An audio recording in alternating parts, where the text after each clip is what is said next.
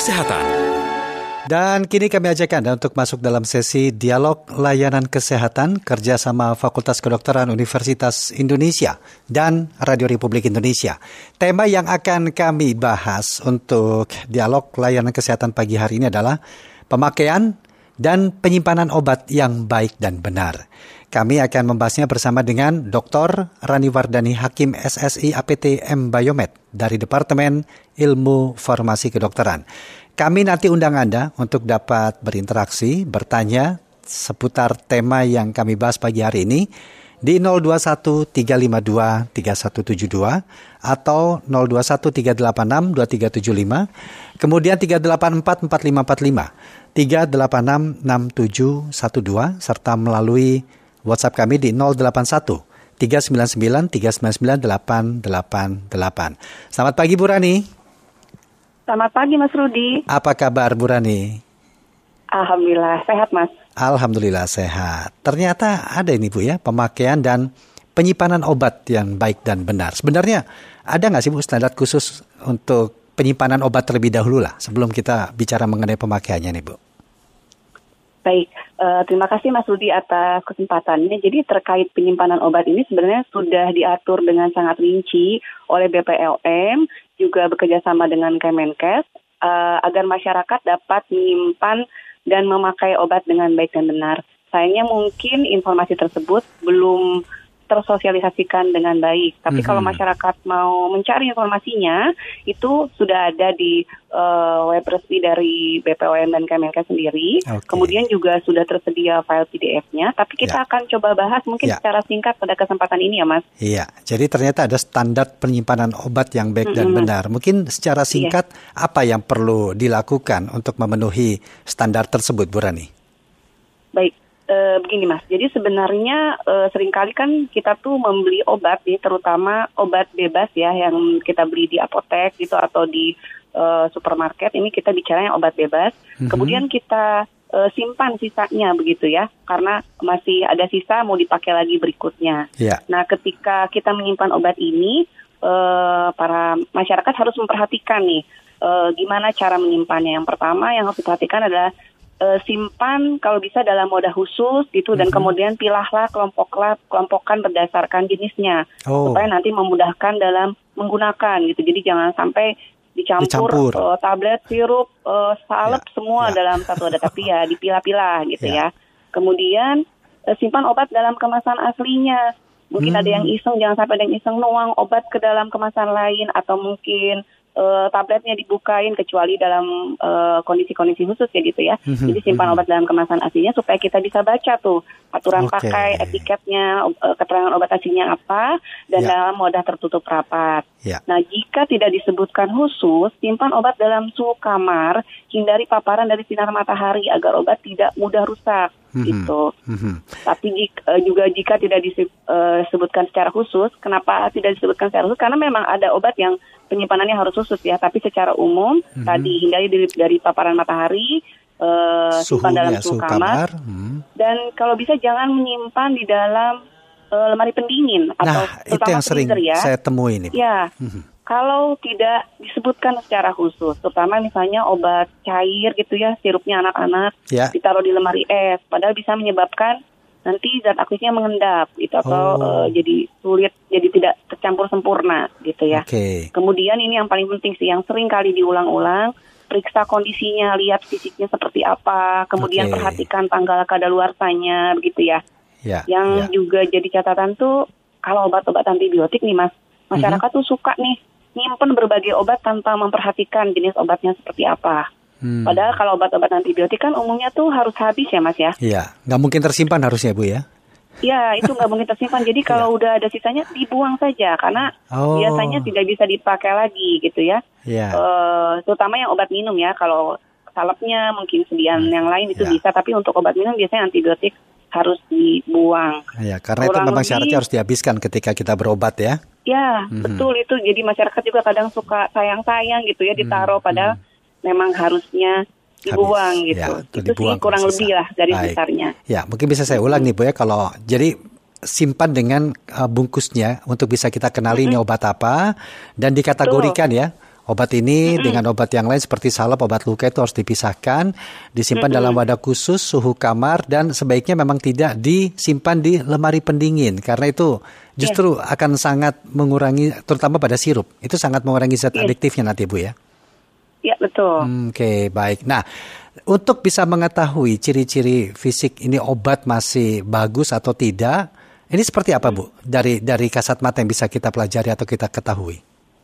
Oh baik. Jadi kalau secara fisik itu mudah sekali. Misalnya, terutama kita pertama perhatikan tuh kemasannya. Kemasannya rusak atau enggak. Mm-hmm. Karena kemasan yang baik pasti bisa menjaga obat yang baik begitu ya. Yeah. Kemudian kalau obat eh, tablet apakah dia warnanya masih sesuai atau tidak ada perubahan warna, warnanya seragam gitu rata gitu ya. Mm-hmm. Tidak mengeluarkan bau, tidak tablet itu harusnya keras ya. Kalau sudah mulai agak lembek-lembek oh, kita harus curiga itu sudah yeah, ada yeah perubahan. Kalau ya. misalnya sirup, yang paling sering itu sirup ya. Kalau ya. sirup misalnya sudah berpisah ya, kelihatan berpisah. Uh, kalau bukan dia bukan suspensi, sirup yang tercampur sempurna, okay. atau dia menimbulkan bau gitu ya. Itu kita harus curiga bahwa oh ini obat sudah tidak baik, sudah kurang baik, nanti tidak bisa dipakai lagi. Demikian. Ya. Baik, Bu Rani, mohon izin kita break dulu sesaat ya Bu ya, tapi jangan ditutup. Ya.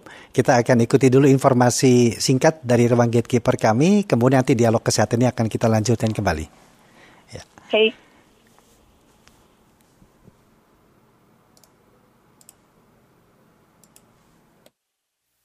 Kilas Berita.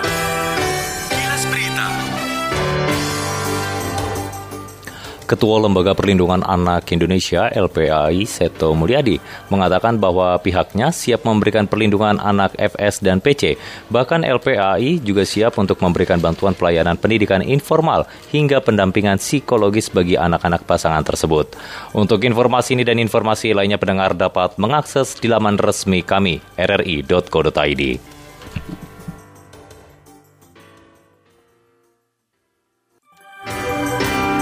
Berita. Pro 3, Jaringan Berita Nasional.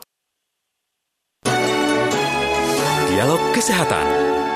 Kita lanjutkan dialog layanan kesehatan dengan tema kita pemakaian dan penyimpanan obat yang baik dan benar bersama dengan Dr. Rani Wardani Hakim SSI APTM Biomed dari Departemen Ilmu Farmasi Kedokteran.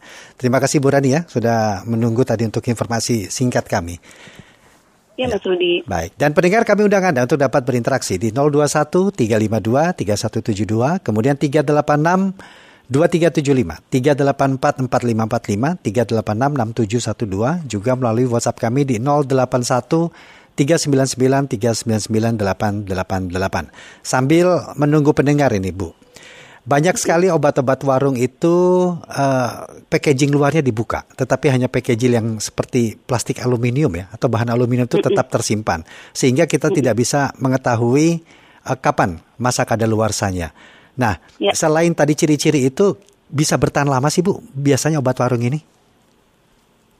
Ya biasanya sih dari manufakturnya sendiri kurang lebih dibuat dua tahun mas. Dua Tapi kan kalau kita ya dua tahun kak ya, dari banyak ya. masa produksinya. Ya. Tapi kalau keterangan masa produksinya hilang, mm-hmm. kita akan sulit mengira-ngirakan kapan kapan kadaluarsanya. Mungkin uh, sebagian masyarakat ada yang akhirnya mengandalkan tampilan fisiknya ya. Oke, seperti tadi ya, itu ya Bu ya. Iya, hmm. jadi dilihat tampilan fisiknya masih baik atau tidak. Sebenarnya ya. itu bisa, tapi juga bisa e, berbahaya juga kalau memang obatnya ternyata e, kadarnya sudah turun ya. Kalau kadar luar itu kan berarti kadarnya sudah turun. Okay. E, ada beberapa bahan pembantu yang mungkin berubah. Ya, ya Jadi ya, ini ya. kalau memang kalau memang saya juga lihat ada beberapa masyarakat yang suka membuka bungkus luarnya gitu ya. Ya. E, tinggal kemasan aluminiumnya saja uh, mau dimasukkan misalnya ke dalam wadah ya ada uh. ada baiknya kita tulis sendiri ini kadaluarsanya kapan, kapan? Gitu. sebelum ya. packaging luarnya itu uh. kita buang begitu ya Iya betul bisa kalau memang masyarakatnya cukup telaten ya cukup rajin seperti itu tapi kalau memang kita khawatir kita tidak sempat untuk menuliskan atau ya ya tidak punya waktu lah untuk seperti itu. Jadi sebaiknya disimpan dengan uh, kemasan aslinya begitu. Seringkali di wadah aluminium ini itu juga masih ada namanya tuh mas. Ya, ya. Masih ada namanya gitu kita bisa masih baca. ada mereknya gitu. lah ya. Gitu. Masih ada mereknya hmm. kita bisa kira-kira. Tapi kan tidak semua masyarakat tahu nih ya ini obat gitu. apa ya. gitu. Mungkin kalau Baik. kami yang uh, dokter apoteker tahu. bisa tahu. Jadi Baik. harus hati-hati juga lebih baik kita ya. berhati-hati daripada kita apa ya ceroboh gitu ya, Ya. eh, memakai obat. Baik, kita terima dulu pendengar ini Bu Rani ya. Ada Pak Nur Hadi di Baik. Bekasi. Selamat pagi Pak Nur Hadi. Terima kasih, selamat pagi Mas. Rudi, selamat pagi Bu Rani, salam sehat buat kita Selamat semua. pagi, Salam sehat juga. sehat. Silakan. Sama-sama, terima kasih.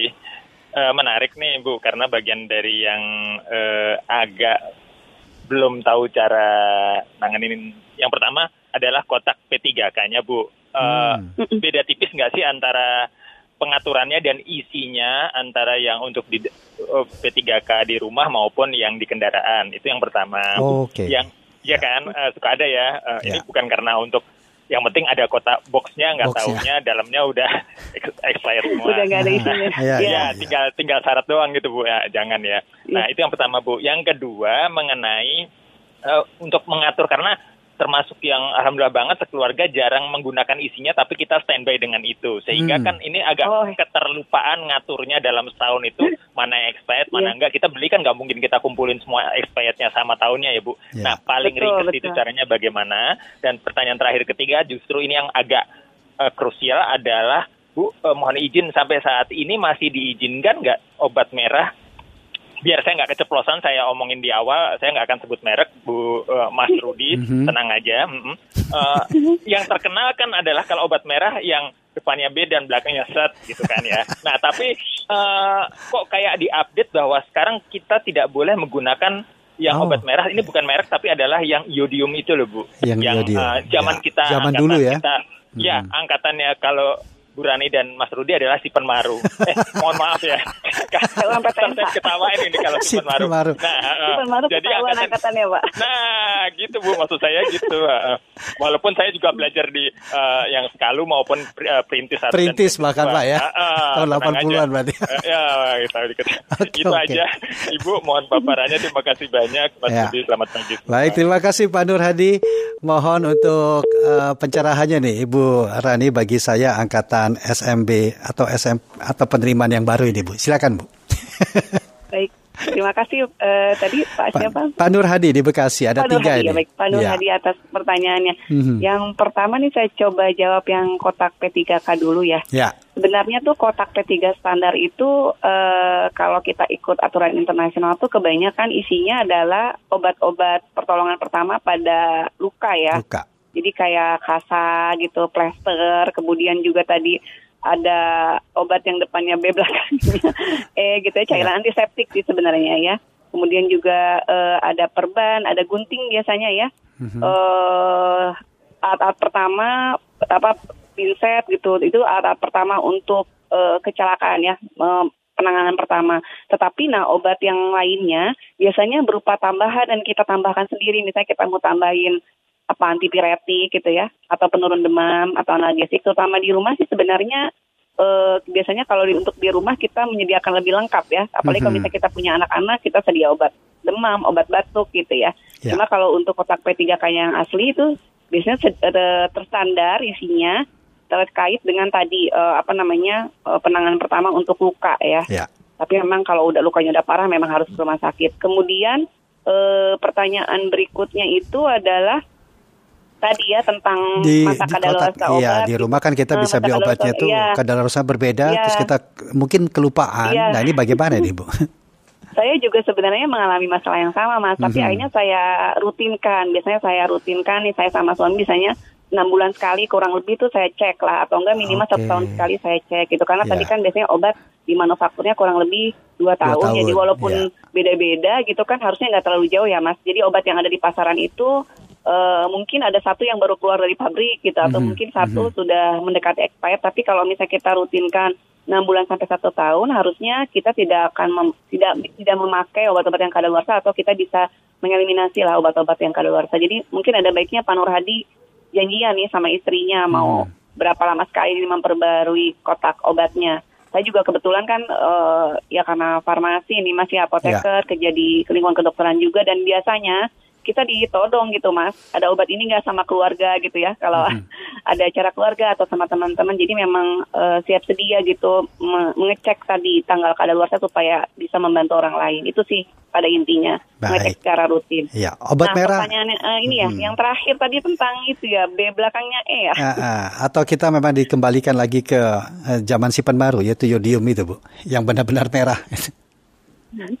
Uh, sejauh ini sih belum ada larangan hmm. yang secara keras menggunakan uh, cairan tersebut yeah. dan masih masih digunakan juga secara luas uh, oleh di dunia medis hmm. dan peruntukannya masih sesuai gitu untuk okay. antiseptik begitu. Yeah. Tetapi memang cairan yang merah sudah mulai berkurang ya penggunaannya ya malah uh, tadi itu banyaknya yang B belakang E padahal isinya sebenarnya ya maksudnya adalah iodin gitu. Jadi sebenarnya yeah. itu hanya merek Mas. Jadi kan obat itu ada uh, isinya, kita mm -hmm. sebut obat generik isinya tuh apa misalnya mm-hmm. iodin, mm -hmm. tapi mereknya mm -hmm. kan bisa apa aja apa gitu aja. kayak paracetamol, yeah. mereknya Macam -macam. panadol atau apa yeah. dan iya. Mm -hmm. jadi sebenarnya uh, yang penting tuh isinya gitu mereknya bisa macam-macam gitu Baik. sih.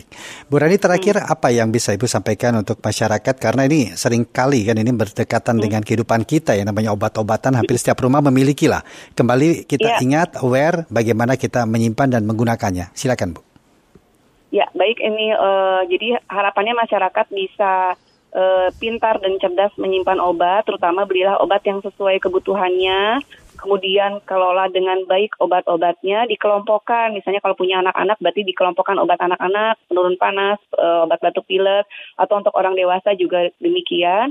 Kemudian secara berkala tadi uh, atur penggunaan obat, kemudian buang yang kadaluarsa, perhatikan fisiknya, sehingga kita bisa menggunakan obat dengan kualitas yang paling baik ketika kita memerlukannya gitu. Jadi uh, obat di rumah jangan dibiarkan bertahun-tahun tanpa kita periksa, tapi mungkin ada baiknya kita rutinkan enam bulan atau satu, satu tahun sekali untuk memeriksa obat-obat tersebut. Ya.